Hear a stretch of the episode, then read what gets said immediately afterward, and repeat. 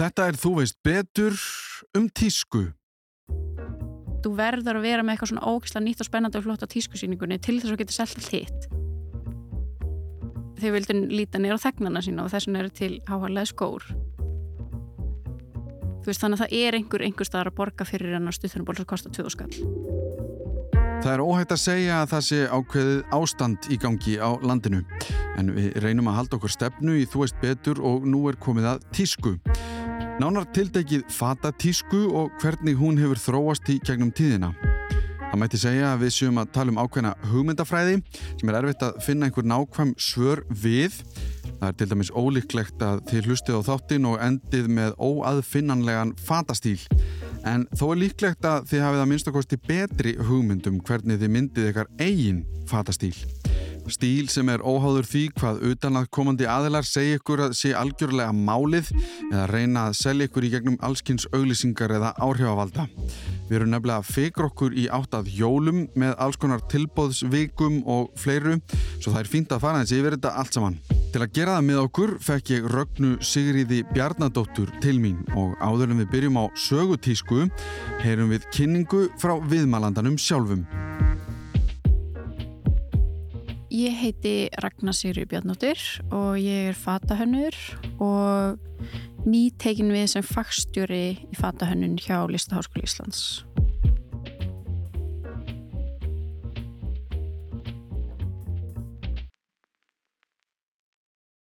Þetta er alltaf svo ótrúlega stort konsept að því að veist, eins og ég sé tísku þá er þetta bara eitthvað sem einhver ákveðin samfélagshópur tilengar sér á einhverjum tíma og það hefur náttúrulega bara verið í gangi síðan bara einhver fór að klæðast í einhverja lendaskílu mm -hmm. í rauninni en þú veist, ef við erum að tala um fatatísku þá er það meira svona eftir, þú veist, aldamótin 1800-1900 sem fór að koma einhverju svona spes hönnuðir fram mm -hmm.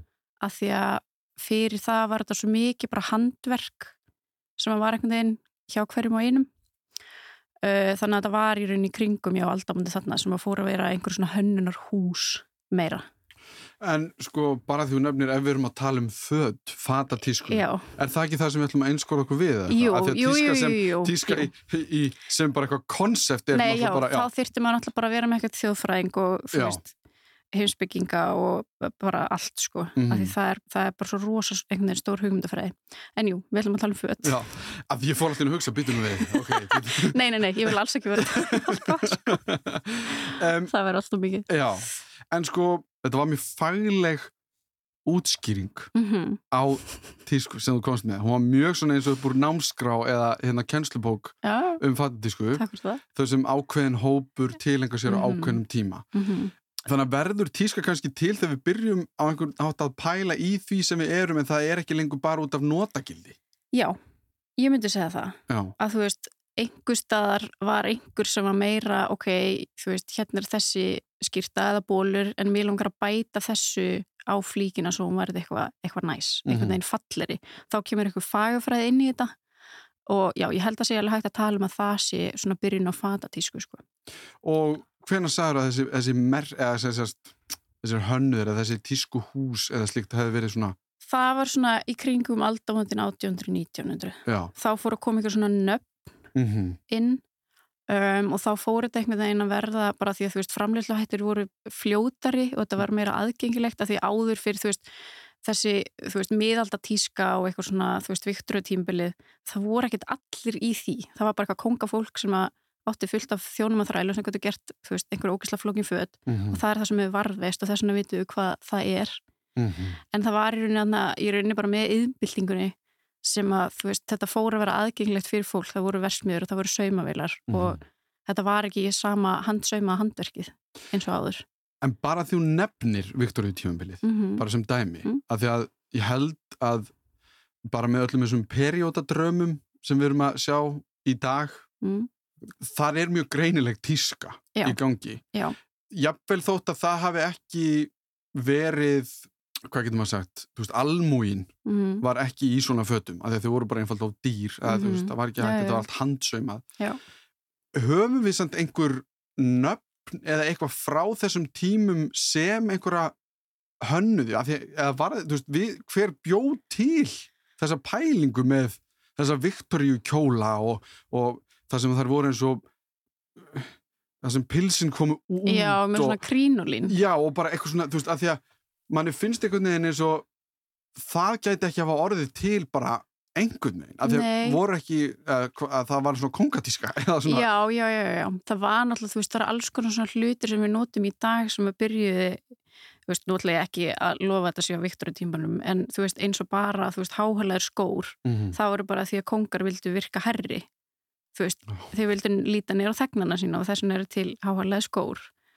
Og Einmitt. svo er þetta allt einhvern veginn, þú veist, tíska hefur svo mikið, sérstaklega þessum tíma, þá er þetta svo mikið um einhvern veginn um að íkja form líkamanns, þú veist, það var skilur, þú ættir að vera með rosa lítið mitti, þú ættir að stórar axlir, þú ættir að stórar mjadmir og þetta snerist eins og ég skilði allavega, þetta snerist um rosa mikið, þú veist, þú ert svo ríkur og þess vegna getur leiftir og til þess að getur leiftir að nota svo mikið efni þá þarf náttúrulega bara formið að vera risa stórt Mhm. og þú veist, og einhvern veginn fatnaður þinn sýnir og þú ert aldrei að fara að vinna einhver skítverka því þú gætir það ekki Mhm. í þessum fötum. Og þá er þetta sko, já, einmitt, að þegar ég uh, er nýbúin að lesa sölkuvölku aftur, Mm.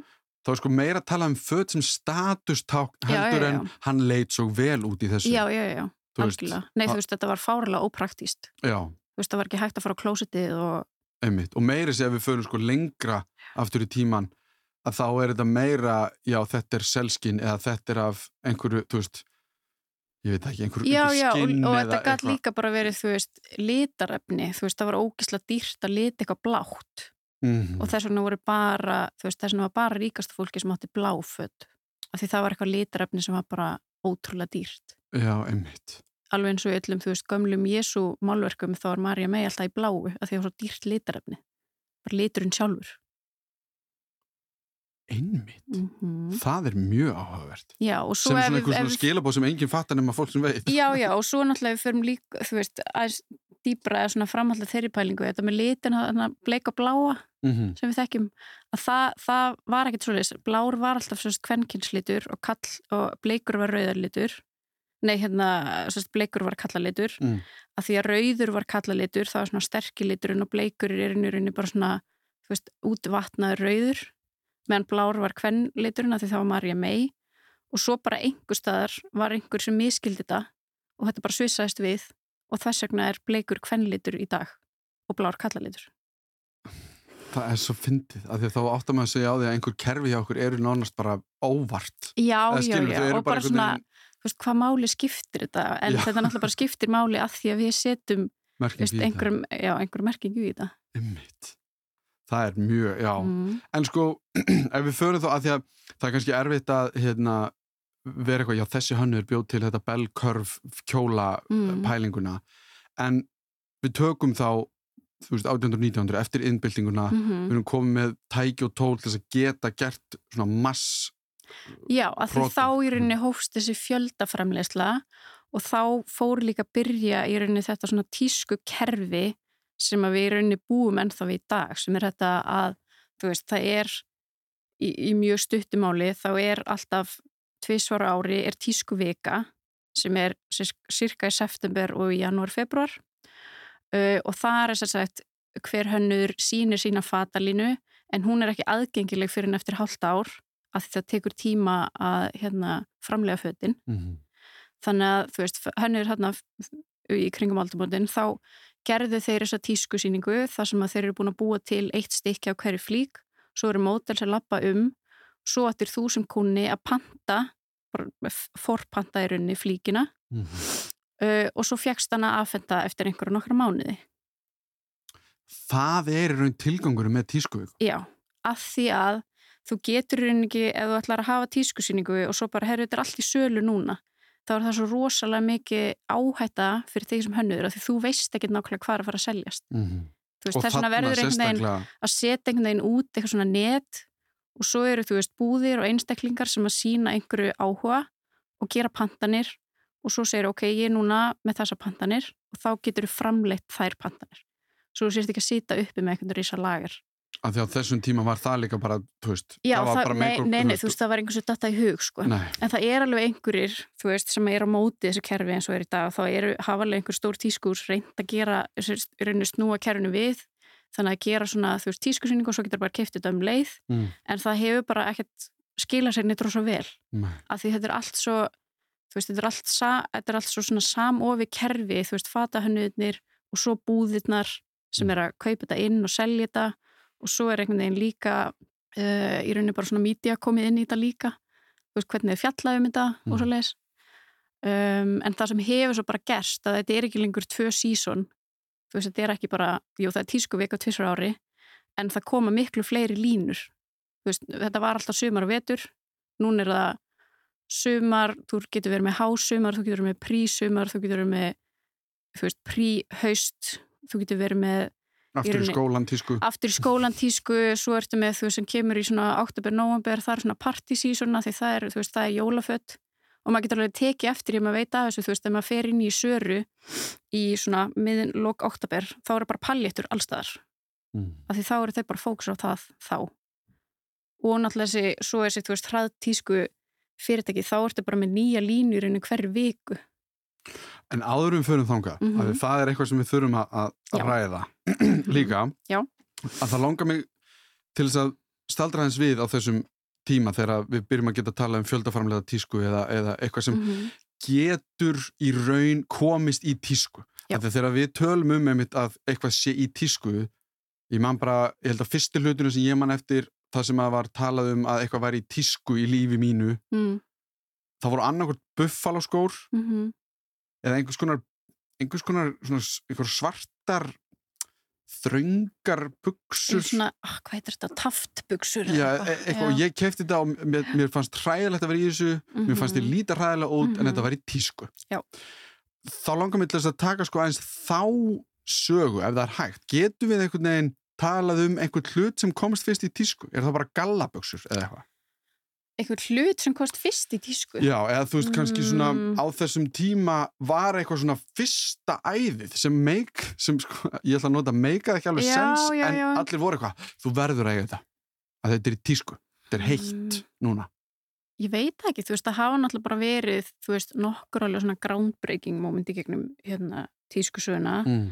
uh, þar sem einhver var bara, fór algjörlega gegn norminu, eins og það var það sem gerist þetta kringu 1920 Mm. þegar þá, þú veist, fram á því hefði konur alltaf byrjað að vera í korsulettu og krínolínu og, og hvað, hvað Hvað er krínolín?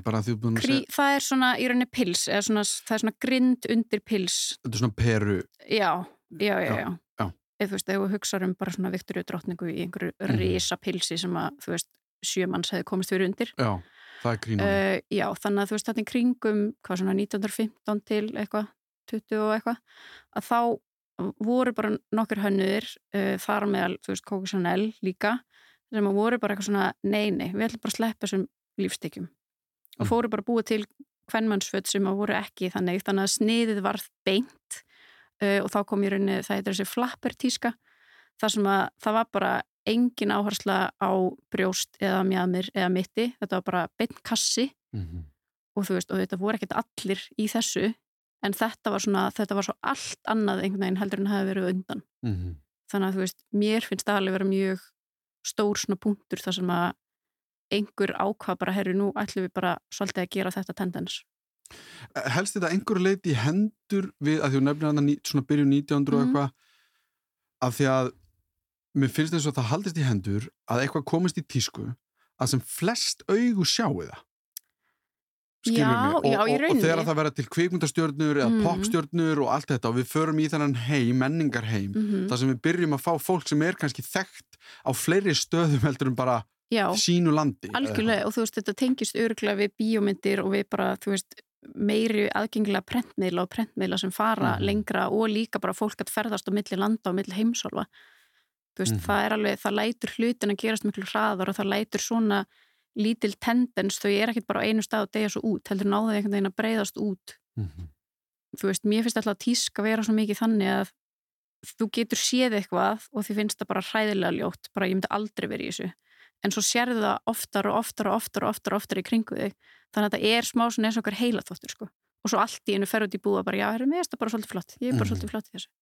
Og að því við þekkjum líka sko, og það er auðvitað miklu setna, en ég meina ef við tökum bara Marilyn Monroe hvítakjólsmyndin, mm. þú veist, við, það eru svona, við förum að heyra kannski um hluti sem eru svona íkonískir Mhm. fatastílar, já, sko, veist, en, en bara eins og hlutin eins og gallaböksunar, sko, Mhm. sem eru kannski alltaf í tísku, ég veit það ekki, en á einhverju tímapunkti hafa, hljóta þær að hafa verið bara, herðu, að því þær hafa síðan alltaf bara tekið yfir heiminn, gallaböksur eru eitthvað sem allir nánast þekkja, sko. já, en ég menn, það er fyrir eitthvað nýtt. Ég held að það sé bara svona veist, 1940-50 Já, er það? já, eða þú veist, sem þeir voru svona í, ég menna, það voru náttúrulega einhverjir þetta voru náttúrulega bara vinnuföt Mm þú veist, ég held að fyrstu gallabusnar hafi verið bara buksur sem voru búin til á tjaldi, sko -hmm. en ég held að sé örglega á kringu svona 40-50 sem þetta fór að vera í svona almanna eign veginn mm. En hvað með sko eins og að þú nefnir Coco Chanel, Mm. sem að ég held að sé nafn sem, eða veist ég minna, það er bara Mhm. gríðalega stórt nafn og það eru þessi tískuhús. Eru þau öll að koma frá svip? Að því maður hugsaði aldrei til Fraklands oft þegar maður hugsaði um tísku. Já, er eitthvað land sem við getum svona sagt að beri ábyrð á miklu af svona, já, það er alveg Frakland klálega. Og af hverju Frakland og Paris vitum við það? um, Ég held að það hef bara verið á þessum tíma einhvern veginn, einhver svona sögupunktur fyrir þetta og þú veist, þau eru líka með rosa mikla tengingu við handverkið Mm -hmm. þú veist, það var bara einhvern veginn rosa mikil hefð fyrir já, að, að hlutir væri framleitirar svo náttúrulega, þú veist, þetta kemur alltaf út frá einhverjum hópum sem er að hugsa einhvern nýjan hátt og það bara var í gangi þar akkurat á þeim tíma Ég meina, ég er búin að gera þátt um, um Frakland og heimsbyggi og Já. allsins og, og Frakland er Mhm. að vera bara söðubóttum fyrir þe- sko. þetta er alveg ennþá veist, það, hel, það helst alveg ennþá. Tískuvíkan í París er stærsta. Er ekki, ég meina, er það ekki ok, það er kannski París og Mílan sem maður heyrir kannski um eitthvað, Jú, jú, veist, raun- þeir eru svona tískuborgir? Já, akkurat. Já. Já. Af hverju þá Mílan, af því maður er það kannski Ítalía líka eitthvað? Já, ég held að sé bara svona svipa það var kannski einhver, þú veist, annar suðupunktur með aðeins öðru sér fókus uh, en það er og í Milano og svo í London og í New York bara svona innskot af því að allt sem við höfum tala um er svona frekar vestrænt mm og heimurinn er frekar stór Já. ef við segjum, sko, þannig ertu með þú ert með Norður-Ameríku og þú ert með Mhm. Evrópu Já. og það er kannski hægt að segja að það séu þau lönd sem að eru kannski átt að segja núna að fóru frekar illa með mörg önnur lönd Mhm. í gegnum tíðina, Já. í gegnum nýlendustefnunar eh, og efnuðust -hmm. langmest af öllum löndunum tíska í hinum álfonum, þú veist vitum við, getum við eitthvað tjáð okkur um það, hvernig það var? Þú veist, af hverju er ekki tískuvika í, í Hong Kong? Þa, það er það alveg. Já, Já, bara, já, það er alveg tískuvíkur út um allt. Já, það, það, bara er ekki eins stórar eða þú veist, þær fá ekki jafn mikla aðtikli og er það í sögulegu samingi þá eða, eða þú veist, vitum við eitthvað? Að því ég kannski líka, þegar við vorum að tala um gallaböksur kannski er ekki Mhm. mikið um gallaböksur í löndum það sem er bara miklu heitara Nei, Heldur nei, en nei, hér og eitthvað? nei, algjörlega mm.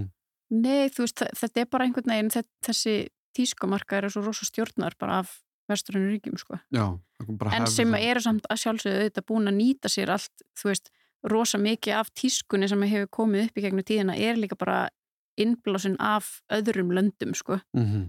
það er svona það sem ég alveg velti greinilega, já, já, já, já, já, já, vil þótt að sé ekki sagt hreint Já. og beint að þá er svona, já mm. en hvað með þá, hérna bara því hún nefndi Chanel og þetta form mm sem við kannski þekkjum sem þetta típiska módelform -hmm. í dag Já. og við getum líka að fara að ræða já, já, já, en það, þú veist, það er alls ekki hlutir hérna en sko, það er svo erfitt að tala um tísku, mm Mhm. að það er svo erfitt að festa hendur á af hverju eitthvað er í tísku í raun, eða þú veist Já.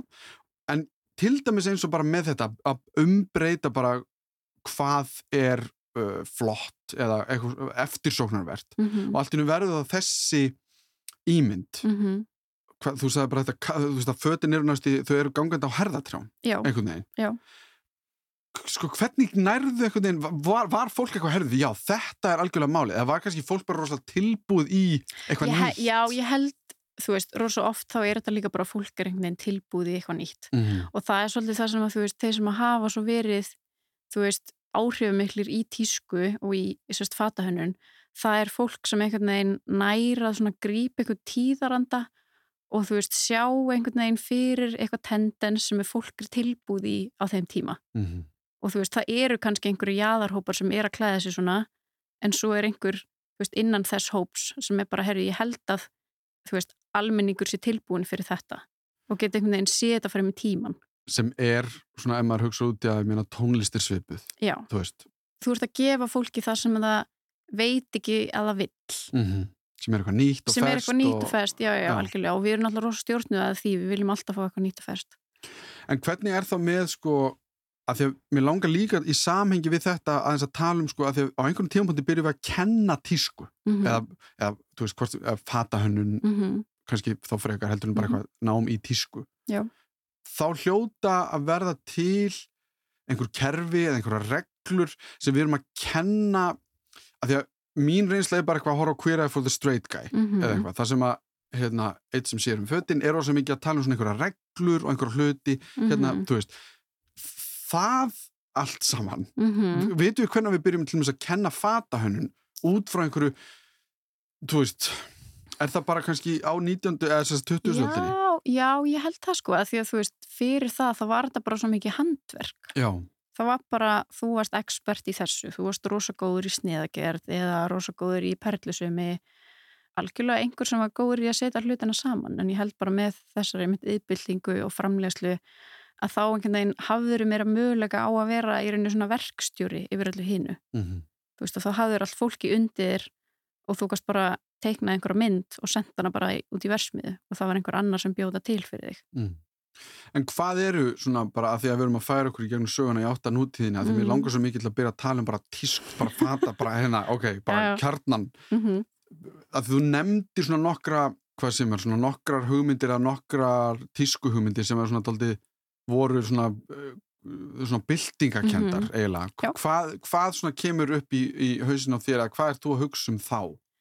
Uh, það er svo þetta þegar í rauninni flappar tískan þegar konur hættu að vera í krínulínum og svo kom aftur sagt, eftir setni heimstyrjöldina það er rosa áhört sko það að því að þá kom sagt, Christian Dior með nýja hönnun sem heitir The New Look og þá aftur áttu konur að vera með rosa mjótt mitti og stóra mjöðmir og stór brjóst. Og ef maður pælir í þessu út frá því sem var að gerast í samfélaginu þeim tíma það var að meðan að stríði var gangi það voru konur bara út af vinnumarkanum að því að kallandir voru stríði. Mm. og þá þurftu þær bara að vera í praktiskum fötu sem þær gáttu bara að vera í vinnunni. En þarna voru allir kallandi konin tilbaka og þá bara ok, herru, þá eru konunar aftur konin á heimilið og þá þurfa þær einhvern veginn að vera þú veist, svona kvenlegar aftur. Mm. og þá einhvern veginn var þú veist, samfélagið einhvern veginn tilbúið í þá hugmynd og þá var þetta bara rosa eftirsóknarvert. Að vera aftur bara rosalega kvenlega konum og svo, þú veist, kom aftur að, þú veist, 60s og þá ertu aftur komin í beinasnið af því þá ertu að byrja á, þú veist, hvernfrelsisreifingunni Já, þannig að þú veist, þetta er allt einhvern veginn þú getur speikla svo mikið hvað er í gangi hverjum tíma í tísku og fötum. En mér finnst þetta merkilegt að þú talar sko, mér, að, sko og ég hlæs á að því að þú veist, þú talar um það er þú, konur bara, mm, þú veist, hvernig konur eigi að vera. Já, þú veist, sem er svo sturdluð pæling. Mhm. Einhvern veginn, núna er konur að vera svona já, og þess vegna ætlum við að búa til född sem eru fyrir konur sem eru svona af því að Já. þetta er það sem á að vera núna mm Já, þetta er náttúrulega ekki alveg þannig að þú veist, ég held það var engin meðvitaður á þeim tíma bara, herri, núna er konur að fara aftur inn á heimili þannig að ég ætla að setja þær í úsla þröngfött og eitthvað svona. sko, Þetta er ekki það, heldur, ég er að meina bara meira út frá í rauninu sem tíðaranda.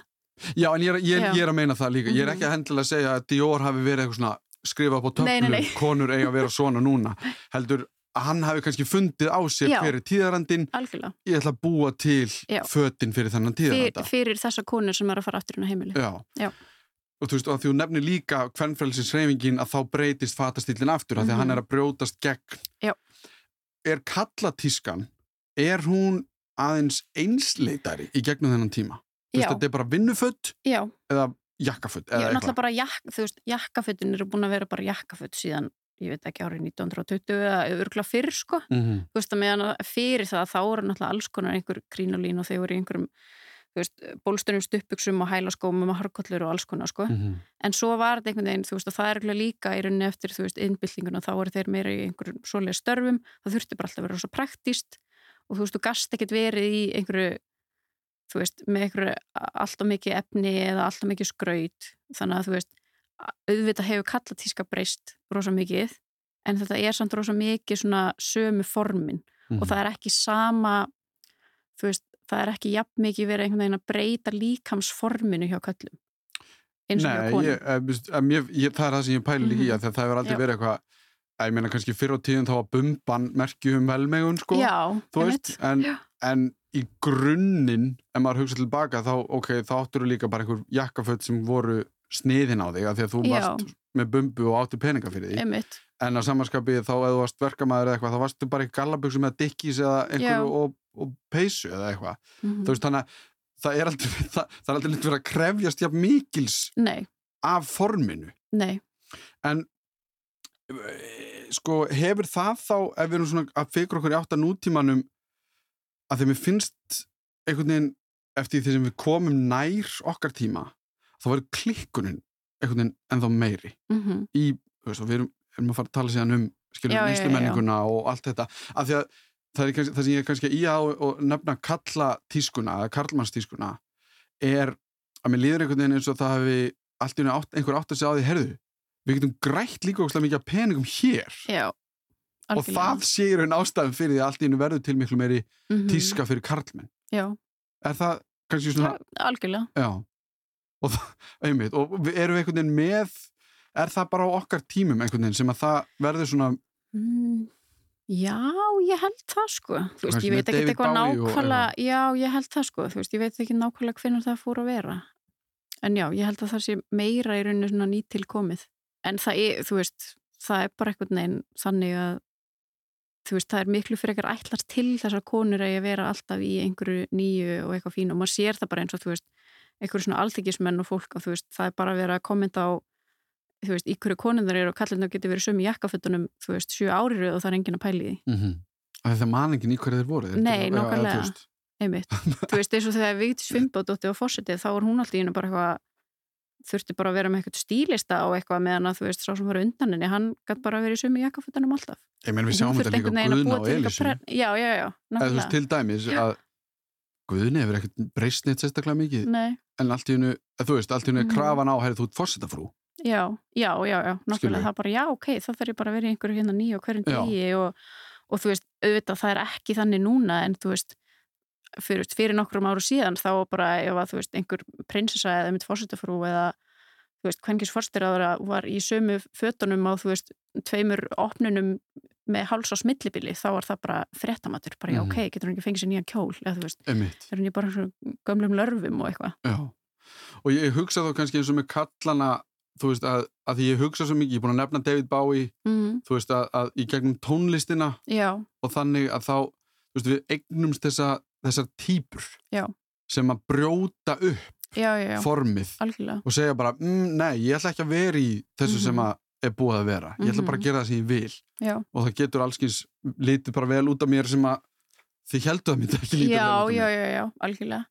En, En þú veist, hann já. hefur væntalega verið þá líka með eitthvað teimi kringum sig. Þú veist, ég veit ekki Já, hvort að hann var sjálfur eitthvað að mig langar að vera í svona buksum og þú veist, Nei, þetta er náttúrulega bara hann í kringum vini sína og, og svona sinn hóp. Einmitt. Og kannski, þú veist, eins og við, þú nefndir áðan hérna, þetta með þennan aðila sem að þú veist, er í tengslum við einhvern hóp sem er eitthvað svona kannski á jæðrinum eða Já, eitthvað já, já. og hann er, veist, alveg eins og þú veist, að því maður hugsa um Kanye West sem einhver svona tísku, þú veist ég veit ekkert hvort að hann sé endilega að fá allar þessar hugmyndir eða hvort að hann sé Nei, bara einhvern bara með- umkringdur. Já, já, ég held að þú veist, hann sé bara með eitthvað rosa gott teimi í kringum sig, sko. Já, en sko þá komum við aðeins að nútímanum og Mhm. bara þessu fyrirbæri sem er fata tíska mm af því að þú hlýtur að hafa lent í því bara verandi í þessum bransa í þennan tíma -hmm. að fólk segi við bara ég skil ekki almennilega hvað málið er bara ég skil ekki okkur þetta er vinsælt Mm eða þar fram með göttunum eða bara ég skil ekki tísku ég veit ekki hvað er eða þú veist, ég veit hvað á að vera flott en ég veit ekkert af hverju það er flott og, og þar fram með göttunum ég er svona mitt á milli að því að einhver tí, einhverjum tímapunkti bara svona sem ég tali fyrir mig persónulega -hmm. að þá fann ég eitthvað svona, já, ég fann hvað virkar fyrir mig. Já. Ok, og ég held mér bara við fyrstu tilfinningu sem ég fæði þegar ég líti í speilin. Mm -hmm. Ef ég er bara, hm, já, þetta er bara fínt. Mm Þá er ég ok, þetta er að virka fyrir mig.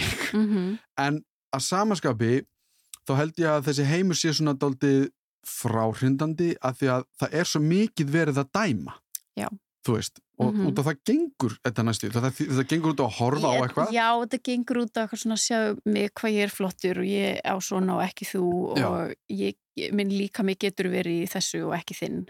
og síðan snýst um peninga líka Já, og, veist, og allt já, þetta, algjörlega. ofan á það Mm þannig að mér langar kannski aðeins til þess að tala um að því við nefndum aðeins skólan eða þú veist hvernig þú kennir fatahönnun og Mhm. slíkt ég get farið í skóla bara til þín í nám og lært sko hvernig ég get að minnstakosti hannað föt -hmm. sem að henda fólki ef þú skilur hvað við Já.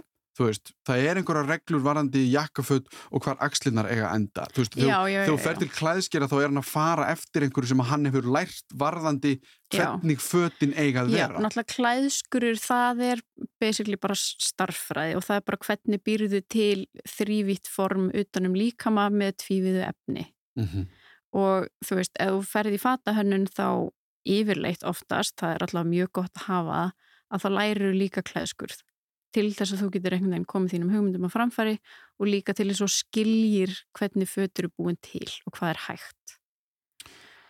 Já, Eh, sem er sagt kannski efnislega Já, hvernig rauninni. efni virka Já, já, já, og líka bara einhvern veginn hvernig struktúrin þarf að vera utanum líkamann svo að þetta geti einhvern veginn fungera sem flík. mm Uh, en svo er þetta í rauninni, þú veist, að kenna fatahönnun, þá ertu bara, þú veist, þetta er rosa svona sjálfsmiða nám fyrir nefndur og þú ert basically bara að finna út úr þinni eigin fagurfræði og reyna að ná að miðla henni. Þú ert einhvern veginn alltaf að gera fullt, fullt, fullt af tilraunum og, og teikningum og pröfum og hérna, og svo snýst þetta rosa mikið um að að editera sjálfan sig þannig að þú er kannski með bara svona, þú veist, hundra teikningar og svo, svo getur þú svona hort á þar með gaggrinu auga bara ok, þannig er eitthvað flott, þannig er eitthvað flott. Mér finnst eitthvað flott þegar öxlinu svona eða mér finnst eitthvað flott þegar þessi tvö efnir saman. Og þú veist, og svo velur einhvern veginn úr og minkar til að fá einhverja svona hild -hmm. það getur verið einleið svo getur þú líka kannski ákveðið að vinna út frá einhverju sérstökur konsepti þú getur ákveðið að vinna út frá einhverju mútborti þannig að þú er kannski með einhverja myndir sem þér finnst rosa flottar sem þú notar til þess að búa til fataskissur. Uh, eða mitt svona konceptlega séð þá getur þetta verið kannski ok, ég ætla að prófa að sjá hvað gerist ef að ég hérna, eins og eitt koncept sem að ég vann með einsinni þegar ég var í mastersnáminu mínu að þá hugsaði bara ok, herru, ég ætla að prófa að taka bara föt sem að ég á og ég ætla að vera hérna með gínu sem er ekki í fullri mannstærð og ég ætla að setja fötin mín á þá gínu og sjá hvað gerist. Og þá einhvern veginn vera fötin allt og stór en svo gerði ég eitthvað, þú veist, saumaði eitthvað saman, þú veist, notaði tegjur einhvern veginn þannig að flíkin myndi passa á þessa gínu. Mm og þá var það einhvern veginn konseptið mitt. Þú veist, hvað, þetta er svona tilraun bara. Já, já, og ég er með eitthvað svona skýran ramma og ég vinn bara innan hans til þess að fá einhverja óvænta niðurstöðu. Mm sem er í raunin bara að því, ég nefnum að uh, fatahönnun og tíska, þetta er list þetta er innan Já, já, já. lista mengisins þannig að við getum alveg, ég menna, koncept er alveg þekkt innan myndlistar eða tónlistar eða hvernig sem við horfum á það. Já, en svo getur líka, þú veist, kent fatahönnun meira bara í rauninni út frá, þú veist, maður kallar það kommersial, sem er sem sagt, þú veist, í rauninni það mótel sem svona fast fashion fyrirtæki er að gera, mm -hmm. að þá ertu basically bara, þá ertu með svona moodboard sem er í rauninni myndir sem þú ert að vinna út frá, en þá er moodboardið kannski föt sem einhver annar hefur gert og þú ert bara svona aðeins að tvíka til, aðeins að, þú veist, gera svona pínu öðruvísi og farið einhverja fataluna út frá því og sem er kannski ekki eins inspirandi og spennandi og ef þú vinnur út frá einhverju svona alveg nýju konsepti. Þetta er ekki sama svona tilrunastar sem minn. Nei, nei, nei og ég meina í raun bara annað konsept Já, já, Já. algjörlega, já. þú ert að vinna innan, innan já. einhvers ákveðins ramma nema hann kannski emitt býður ekki Já. upp á sérstaklega mikla, mikil frumleg Nei, en það er alveg til skólar sem að kenna í rauninni þetta form. Eh, Einmitt. Þannig að þú veist, þetta er bara svona mismundi leiðir einhvern veginn að sama hlutnum.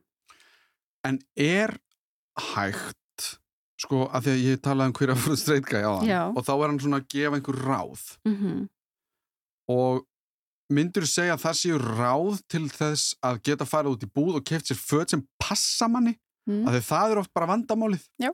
eða er hægt að kenna þetta auga? Að því að veist, að að því við erum búin að nefna list sko Mm að uh, partur á kannski tónlistanámi eða eitthvað er að þjálfa eira Já, partur af myndlistanámi er kannski að þjálfa þetta auga. Já, og erum við að tala um kannski sama hlutin varandi fatahönnun já, og, í rauninni. Já, þú veist, þú ert að þjálfa þína fagurfræði og alveg eins og þú veist, maður getur sjálfur þjálfað sína fagurfræði út frá sínum eigin fatastíl. Veist, með því að gera tilraunir og með því að einhvern veginn horfa þetta með gaggrinu auga og sjá bara já, þú veist, þetta snið fer mér vel eða þessi litur fer mér vel. Mm og vera svona meðvitaður um það. En hvað er þá málið með á þessum tískusýningum eða tískuvikum? Mm. þar sem að fólk virðist bara vera í fötum sem meika engan sens út á götu veistu hvað ég er að tala? já, um? já, algjörlega Hvað er það? það, það er bara þeir sem eru líta á þetta miklu meira sem listform Þannig að, það, okay. Þannig að það hefur enga tengingu kannski við, herðu þetta er það sem er að koma frá okkur, eða hvað? Nei, þú veist, þá er það kannski bara einhver hönnur sem er bara ekkert að pæli því og þú veist, og hefur bara engan áhuga að vera eitthvað að klæða almenna borgar út á götu. Mm -hmm. Þú veist, er miklu meira bara í, þú veist, þá er þetta náttúrulega orðið meira svona eins og, þú veist, búningahönnun eða karakterhönnun eða eitthvað svoleiðis. Já, Eða bara, hei, mér langar bara rosalega mikið að prófa einhverja brjálaða tækni. Þú veist, mér langar bara rosalega mikið að búa til kjólur plexigleri og sjá hvort að það er hægt og hvernig við getum búið til eitthvað úr því. já. Sem er þá kannski líka að því að ég sá til dæmis uh, viðtalið Cardi B um daginn, Mhm. þar sem hún var spurð út í svona nokkra kjóla sem hún hefur verið í geta verið á Met Gala Já, eitthvað það, er, svona, það er svona það er rosastór svona tísku viðburður Já, og Mhm. þú veist, og hún nefndi eitthvað fatahönnuð sem, sem hafði samband við hana, þú veist, og hannaði bara kjól bara Mhm. á hana og þetta er allt svona, þú veist, þetta verðist vera svona fatnaður sem að þú ert næstu í saumaður inn í, Mhm. þú ert ekkert að fara bara inn á klósett og, og skipta um föt Nei, nei, veist, og er, þá erum við raun komin bara út í, ert gangandi listaverk Já, já, algjörlega En það eru líka mjög mörg svona stór veist, hönnumerki sem nýta sér þetta að þú kannski býr til eitthvað one of piece á eitthvað frægan og svo, þú veist, segir þessi frægi já, þetta er þessi hönnur og þá kannski ég er heima hjá mér, Mhm. fer inn á heimu síðan hjá þessum hönnuð og ég er ekkert endilega að fara í þú veist, þetta showpiece ekkert svanabúningin hennar Nei, Bjarkar, en þú veist, en kannski er þessi hönnuður að selja einhverja stutturumbúli sem ég finnst okkislega flottir. Mhm, og mér langar þannig að kaupa mig inn í þessa ímynd. Mhm, eins og ég fór eins og fyrirlæstur hjá Paul Smith og hann tala um þetta, þú veist, þú verður að vera með eitthvað svona ógislega nýtt og spennandi og flott á tískusýningunni til þess að geta selt allt hitt. Mhm. þannig að hann kannski er með einhver bleik jakkafött og síningu og, og svo eru búðirnar að kaupa inn og það er kannski, þú veist, ein sem að kaupir bleiku jakkaföttin en svo eru tólf sem að kaupa nákvæmlega sem jakkafött í svörtu. Já, af því já, það er það sem er að fara að seljast. Einmitt. en þú myndir kannski aldrei selja sér svörtu jakkaföt nema þú hafir sínt þau í bleiku. Þú verður einhvern veginn að, já. En sko, hvar er þá munurinn? Af því að, við, þú veist af því að það er eitt þetta listform mm -hmm. en síðan höfum við bara markaðinn. Já.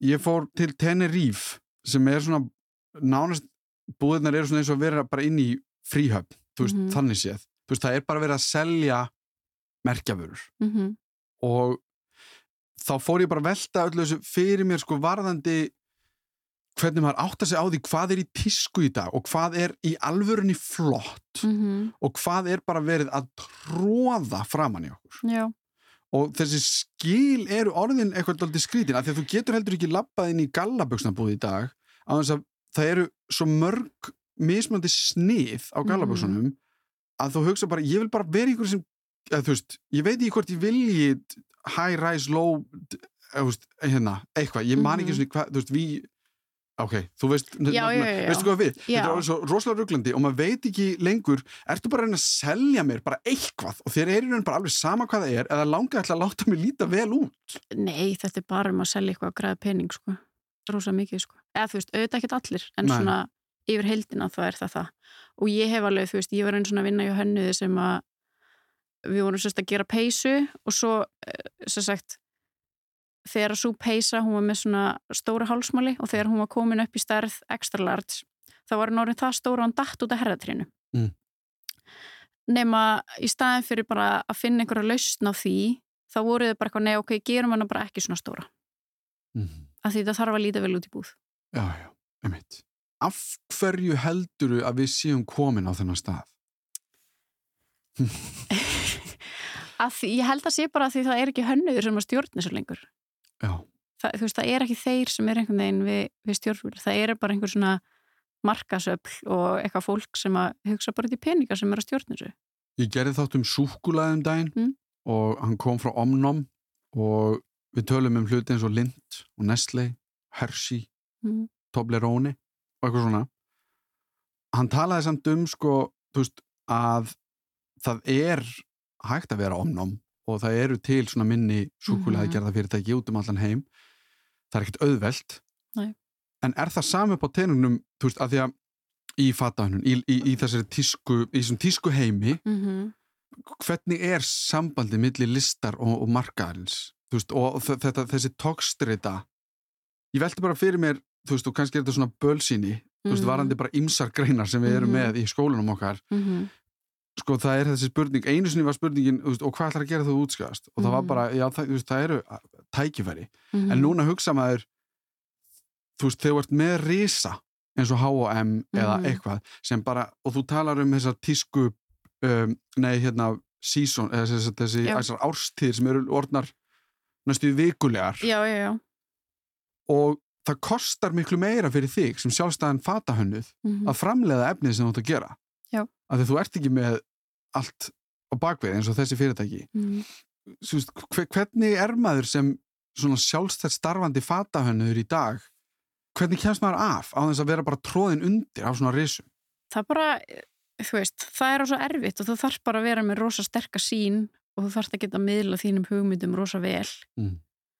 uh, en það er alveg satt, þetta er bara einhvern veginn fyllir yfir markaðin og það er allir bara eitthvað svo þreyttir á þessu og líka því að allt þetta ódýrastöf það er bara svo aðgengilegt og maður verður alveg blindur fyrir þessu maður þarf einhvern veginn að fara úr leiðsinni til þess að finna einhverjan, þú veist, góða fatahönnun og eitthvað sem endist og eitthvað sem að passar manni og hér nefnilega komum við að, að við komum að pe- peningunum mm -hmm. og það er alveg þannig að það sem þú nefndir endingagóð född Mm -hmm. eru dýrari þau eru gerð úr betri efnum Mm -hmm. og oft fyrr á tíðum þegar ég átti kannski aðeins minni pening og var námsmaður eða eitthvað og vantaði nærbúsur eða sokka eða skó nei eða bóli eða eitthvað þá, ok, maður, ef maður fann eitthvað í svona uh, notuðum búðum sem er second hand en ég veit í hérna, já, veit, hvað er það á íslensku? Aðar, annars hendis Já, í, búðir eða þannig? bara, já. Sem voru, þú kannski, fundið eitthvað þar. En annars var það bara, herðu ég get farin í H&M og ég get leist öll mín vandamál mm fyrir mjög lítinn pening. Já. auglustlega kom sérna ljós að þetta endist ekki á einasta hátt. Mm -hmm. og kannski eftir því ég verð eldri að þá hef ég kannski geta keift mér, ég hef bara haft tækifæri til Mhm. að kaupa mér ból sem er úr betra efni og okkur sliðis getur þú farið eins yfir að þegar mann líður eins og maður sé að fá svo góðan díl. Já, en það sem ég kannski er að í að er að hann er mögulega blekking. Já, þetta er nefnilega eins flóknari heldur en það. Að því að þú sérði ekki það sem líkur á baki þú sérði ekki einhvern veginn hvað er hvernig vara var búin til þó hún sé ódýr, hún er náttúrulega fyrsta lagi ódýr af því hún er gerð í svo ótrúlega stóru upplægi og þá verður allt bara auðvitað ódýra en þetta er ekki það einfalt af því að einhver staðar í keðjunni er einhver að borginan pening. Sama hvort að það er með því að einhver að fá rosalega á laun það er einhver staðar ekki verið að uppfylla það reglugerðir sem mætti að vera að gera það er einhver sem er veist, ekki að setja mengandi vatn sem að fyrir framlegslunu í réttan farveg. Veist, þannig að það er einhver einhver staðar að borga fyrir hennar stuttunarból sem kostar 20 skall. Mm. og meðan að ef þú kaupir einhverja vöru þar sem þú veist, þú veist, hvað var lagt í hana já, þú veist, Mm. það vantar bara meira þennan svona sínileika í, hérna, í, bara í allri keðjunni en það sem, já, og það sem ég meina líka er að því ég held að ég held að við séum flest meðvituð um þetta mm -hmm.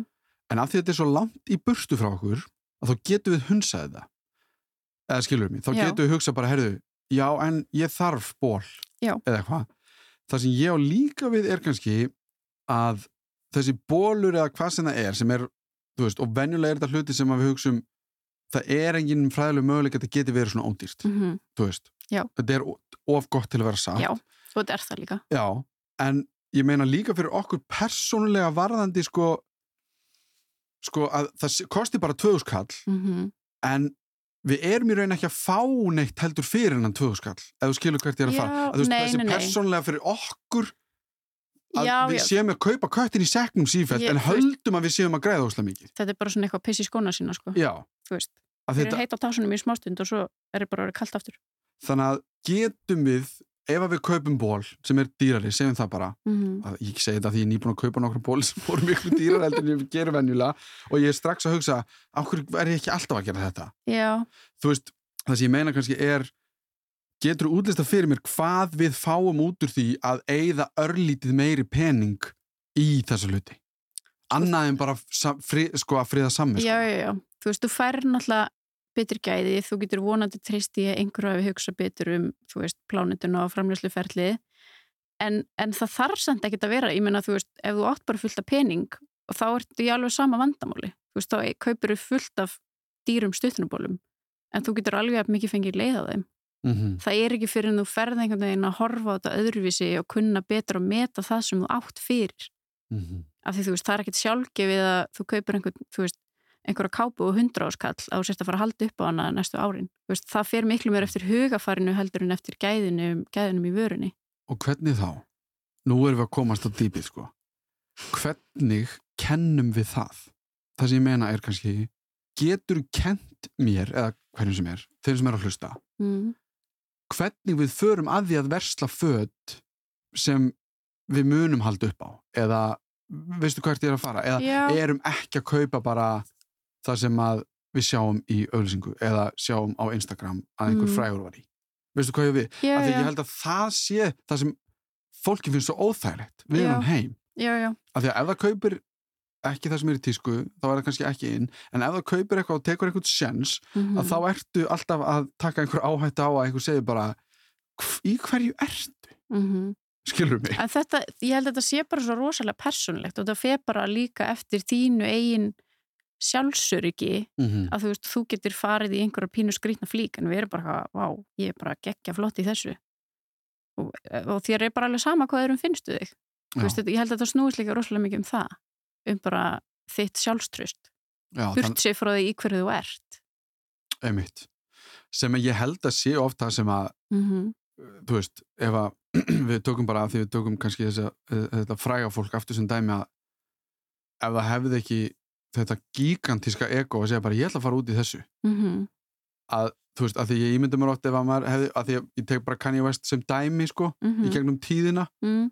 að ef maður hefði séðan bara sem einhvern náungar nýri bæ, þá hefði maður verið bara eitthvað ok, þessi maður er með gríðalegt sjálfsöryggi að vera út í þessu. Mm en ég veit ekki hvort það sé rugglaður eða ekki, eða veist, veistu Já, já, hann er alltaf kólur glæður sko, Já, kemur sér í ljósa að Já, já, hérna, já, já, já, algjörlega, ég meina, þú veist, ég hef alveg hitt fólki gegnum tíðina sem er bara ótrúlega samkvæmt sjálfu sér í að vera bara ótrúlega þannig séð skringilega klætt, en þú veist, það bara virkar fullkomlega fyrir það fólk, mm, af því það hefur bara einhvern veginn sjálfströstið í það, og þú veist, og mér finnst það langskemmtilegast að sjá þannig fólk, því þú veist, það er einhvern veginn bara eigur svo mikið fjölbreytilegan. mm.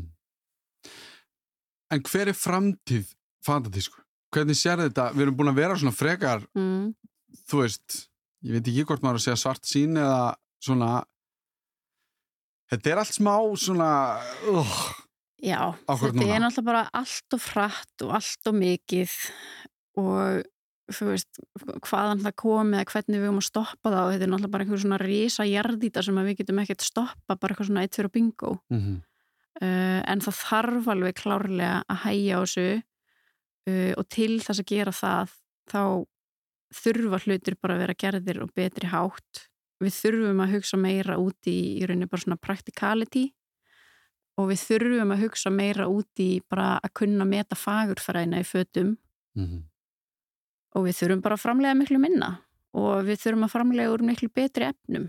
Og þetta snýst ekkit endilega um að þú veist allt eigi alltaf að vera gert á 100% sjálfbæran hátt úr þú veist lífrandi bómull og votta þarna og þetta og hitt. Heldur bara að það sé í alveg einhver búin að pæla svolítið í öllu ferlinu. Þú veist, þá sért að reyna að gera betur alltaf í hver skipti en það þarf rosa mikið að koma eitthvað ofanfrá, þú veist, það þurfu að vera bara einhver reglugerir og reglur og sektir og að því þetta er ekkert að fara að breytast annars af því að þeir sem er að stjórn þessu, þeim er bara svolítið upp til hljópa bara slett sama meðan þeir eru að græða penning sko.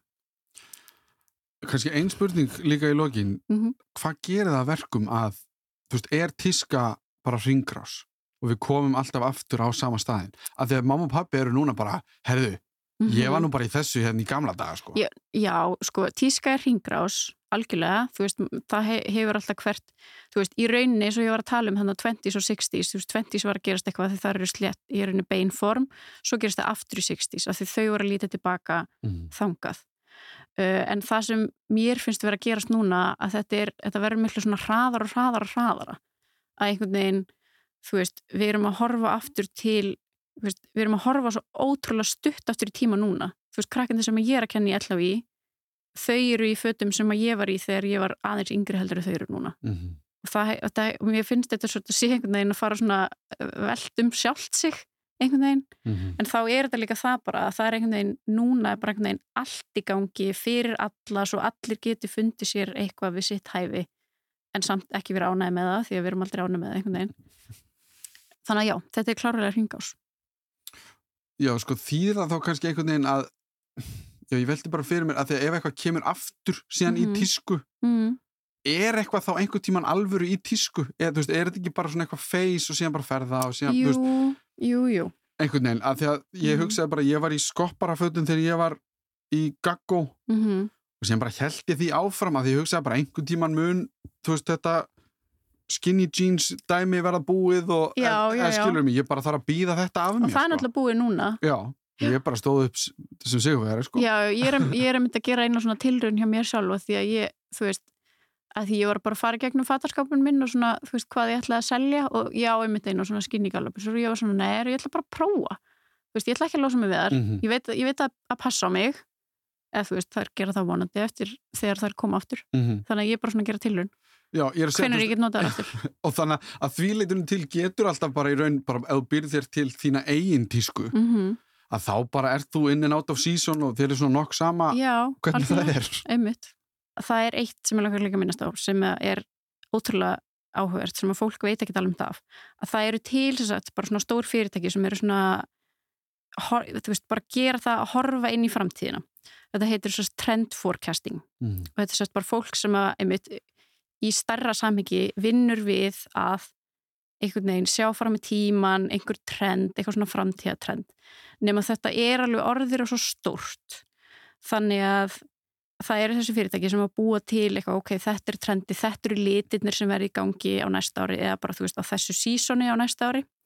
Og svo eru þess að fata fyrirtæki sem að borga þessu fyrirtæki fyrir að fá fá, aðganga þessum upplýsingum nema þá verður þetta náttúrulega svona þú veist, spátumur sem uppfyllir sér sjálfan Mm -hmm. af því að þetta Trend Forecast Agency er að segja öllum þessum fatamerkjum að þetta verði í tísku eftir hálft ár þau fara eftir því þannig að þetta verður í tísku eftir hálft ár Einmitt. og þú veist þetta svona þegar maður fer að taka eftir í getum að sé svona mann, það var fyrir svona fjórum áru síðan það voru bara rauðar dúnúlpur bara allstaðar og þá hefur einhver einhver staðar ákveði bara, já hvað með þessar rauðu dúnúlpur herru, ég ætla að setja það hérna inn í, þú veist, þessa skýslu hérna sem að ég svo sendi út um allt og fólk Mm. er að borga mig fyrir og svo fara bara allir eftir því og þá eru bara allir í rauðum dúnúlpum og skilja ekkert af hverju En helst það ekki hendur við þessa svona influensara væðingu sem við lifum í líka. Þú veist að þú Eh, getur jú, jú. sagt bara þetta Já. er tísku. ég veit það, jú, jú, Gjör svo vel, Justin Bieber er í Já. þessu, þetta er it. Algjörlega Að því ég meina, ég held að 66 hafi ekkert búist við endilega að allt í hennu eruðu þeirra úlpur og þeirra einhvern veginn en það var bara eitthvað fólk sem kom hingað sem Mhm. hafi fullt af fylgjendum og var allt í hennu komið í þetta og þá allt í hennu gerist eitthvað. Já, algjörlega. Þú veist, þú þarft náttúrulega að vera einhvern veginn svona, þú veist, rétta mannskjörn á réttu stað og fá réttu mannskjörna til þess að vera í þínu, Mm -hmm. til þess að búa til en, helst, en helst haldast gæði í hendur við verð. Ekki alltaf. Það er mjög líklegt að gera það, en, en það er ekki, það er engin gulltrygging. Alls ekki. Af því að svo kannski, þú veist, já, þetta getur verið gæði, en þú veist, kannski voru að kaupa þar ótrúlega dýra buksur og það eru einhverju ótrúlega fínu efni sem að má ekki eins og farið þvóttavel. Þú veist, og svo sækir þú barnið á leikskóla og, þú veist, það hoppar í drullipoll Mm. og vill svo knús og þá eru bara ógisla dýru buksun það er ónýtar og síðan kannski líka að þegar maður hugsa þetta varandi summerkin sem maður hefur við höfum nefnt hérna í þættinum mm. að þau hafa síðan kannski nýtt tækifærið í valdi merkisins sem er Mhm. orðið aldrei voldugt að geta byrjað að segja já, þú veist, þetta kostar okkur þennan penning en við erum það stort merki að við setjum bara þennan verð með á það já, já, já, algjörlega að því að þú veist, Æ, nei, þú að veist, þau stundu skilja ekki neitt Nei, í nei, nei, hvað af sumir að þú hlutir veist- eru verðlaðir einhvern veginn að því að hugsa já. bara, heyrðu þetta er bara eitthvað rugg, þetta er bara eitthvað joggingali eða þetta er bara, þú veist, Já, nei, en þá er einhver markasérfræðingur innan þeirra raða sem er bara, ok, hvað heldur við að fólk sé tilbúið að borga fyrir þetta? Ok, setjum það verða á þetta, burt sig frá hver framleyslu kostnæðan er. en heldur að sé hægt að setja bara háan verð með á eitthvað og þá býrðu til ímyndina að þetta sé Já, já, málið. ef þú ert nógu góður markasfræðingur þá held ég að þú geti það. Og nærða að setja, þú veist, Beyoncé í fötin eða eitthvað svolítið, sko. Ég er ekki einu svona þannig að það, Nei, ég bara meina, ferðin í þú búð og það er einhverja buksur á 40 skall Já, og ég þú veist bara, á hverju er þetta 40 skall? Bara, á, hver, á hverju, á hverju er þú að spurja? í, þú veist, Balenciaga var núna að gera bara, þú veist, handklæðapils sem basically bara handklæði nefndi pils og kostar 90 skall. Bara svona handklæði við afvitunum jámennar. Skulum láta þetta vera loka orðin Einmitt. Nú erum við komin á endastöð í yfirferð okkar um tísku. Vonandi hafið þið áttað ykkur á því að það eru í raun ekki fötin sem skipta mestu máli heldur sjálfströstið sem við berum þau með. Dýrara verð þýðir oft gæði en það eru auðvitað ekki algilt. En það er mikilvægt alveg eins og með matinn sem við kaupum að við séum meðvituð um hvað sé í þessu öllu. Er einhver ástæða fyrir því að sum föt séu verðlögð á þann hátt að það sé eiginlega of gott til að vera satt? Ég er sjálfur að reyna að kaupa vandaðri föt sem hægt er að laga ef að eitthvað er að og endast í lengri tíma en nokkra mánuði eða ár. Svo tilrunum er að minnstakost að ganga vel hinga til. Ég vil þakka Rögnu fyrir að koma til okkar og tala um þennan frumskó. Ég minni á postin minn allimarat.ruf.is ef það eru einhverjar spurningar eða ábendingar. Ég heiti Allimár Steinarsson og þakka fyrir mig. Þetta var Þú veist betur um tísku. Heyrumst í næsta þætti.